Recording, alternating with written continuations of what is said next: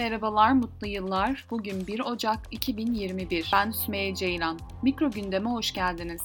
İran, dünya güçlerine çatışmalardan kaçınmak istediğini söyledi ancak ABD ordusunun bölgedeki yakın tarihli bir güç gösterisi üst düzey İranlı komutan Kasım Süleymani'nin suikastinin birinci yıl dönümü öncesinde gerginlik artar mı endişesi dillendiriliyor. Perşembe günü Birleşmiş Milletler Güvenlik Konseyi'ne yazdığı bir mektupta İran, Washington'ın Tahran'a yönelik sahte bilgileri, temelsiz suçlamaları ve tehdit edici söylemlerini kınadı mektupta. Kontrol edilmezse bu savaş çığırtkanlığı hareketleri gerilimi endişe verici bir düzeye çıkarabilir. Tüm sorumluluğun ABD'ye ait olacağı aşikardır denildi. İran çatışma istemediğini söyledi ancak halkını ve ulusal güvenliğini savunacağına da söz verdi. Ayrıca Birleşmiş Milletler Güvenlik Konseyi'ne ABD'nin yasa dışı eylemlerini durdurması çağrısında bulundu.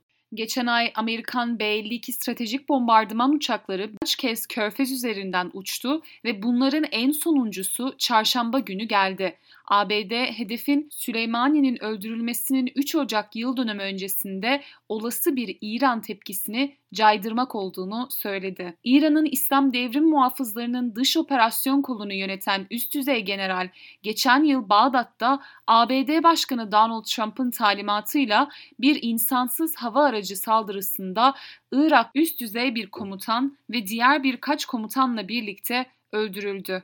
Aralık ayı başlarında Trump, Bağdat'ın yeşil bölgesindeki ABD Büyükelçiliğine atılan roketlerinin patlamamış olduğunu söyleyerek birkaç roketin görüntüsünü tweetledi. İran Dışişleri Bakanı Muhammed Javad Zarif, Perşembe günü yaptığı açıklamada Irak'tan gelen bilgilerin ABD'nin savaş bahanesi uydurmaya çalıştığını gösterdiğini söyledi. İran geçen yıl Haziran'da Trump ve başkaları için tutuklama emri çıkardı fakat daha sonra Interpol tarafından bir talep örgütün anayasası siyasi meselelere müdahale etmesine izin vermediği için reddedildi. Beni dinlediğiniz için teşekkür ederim. Bir sonraki mikro gündemde görüşmek üzere.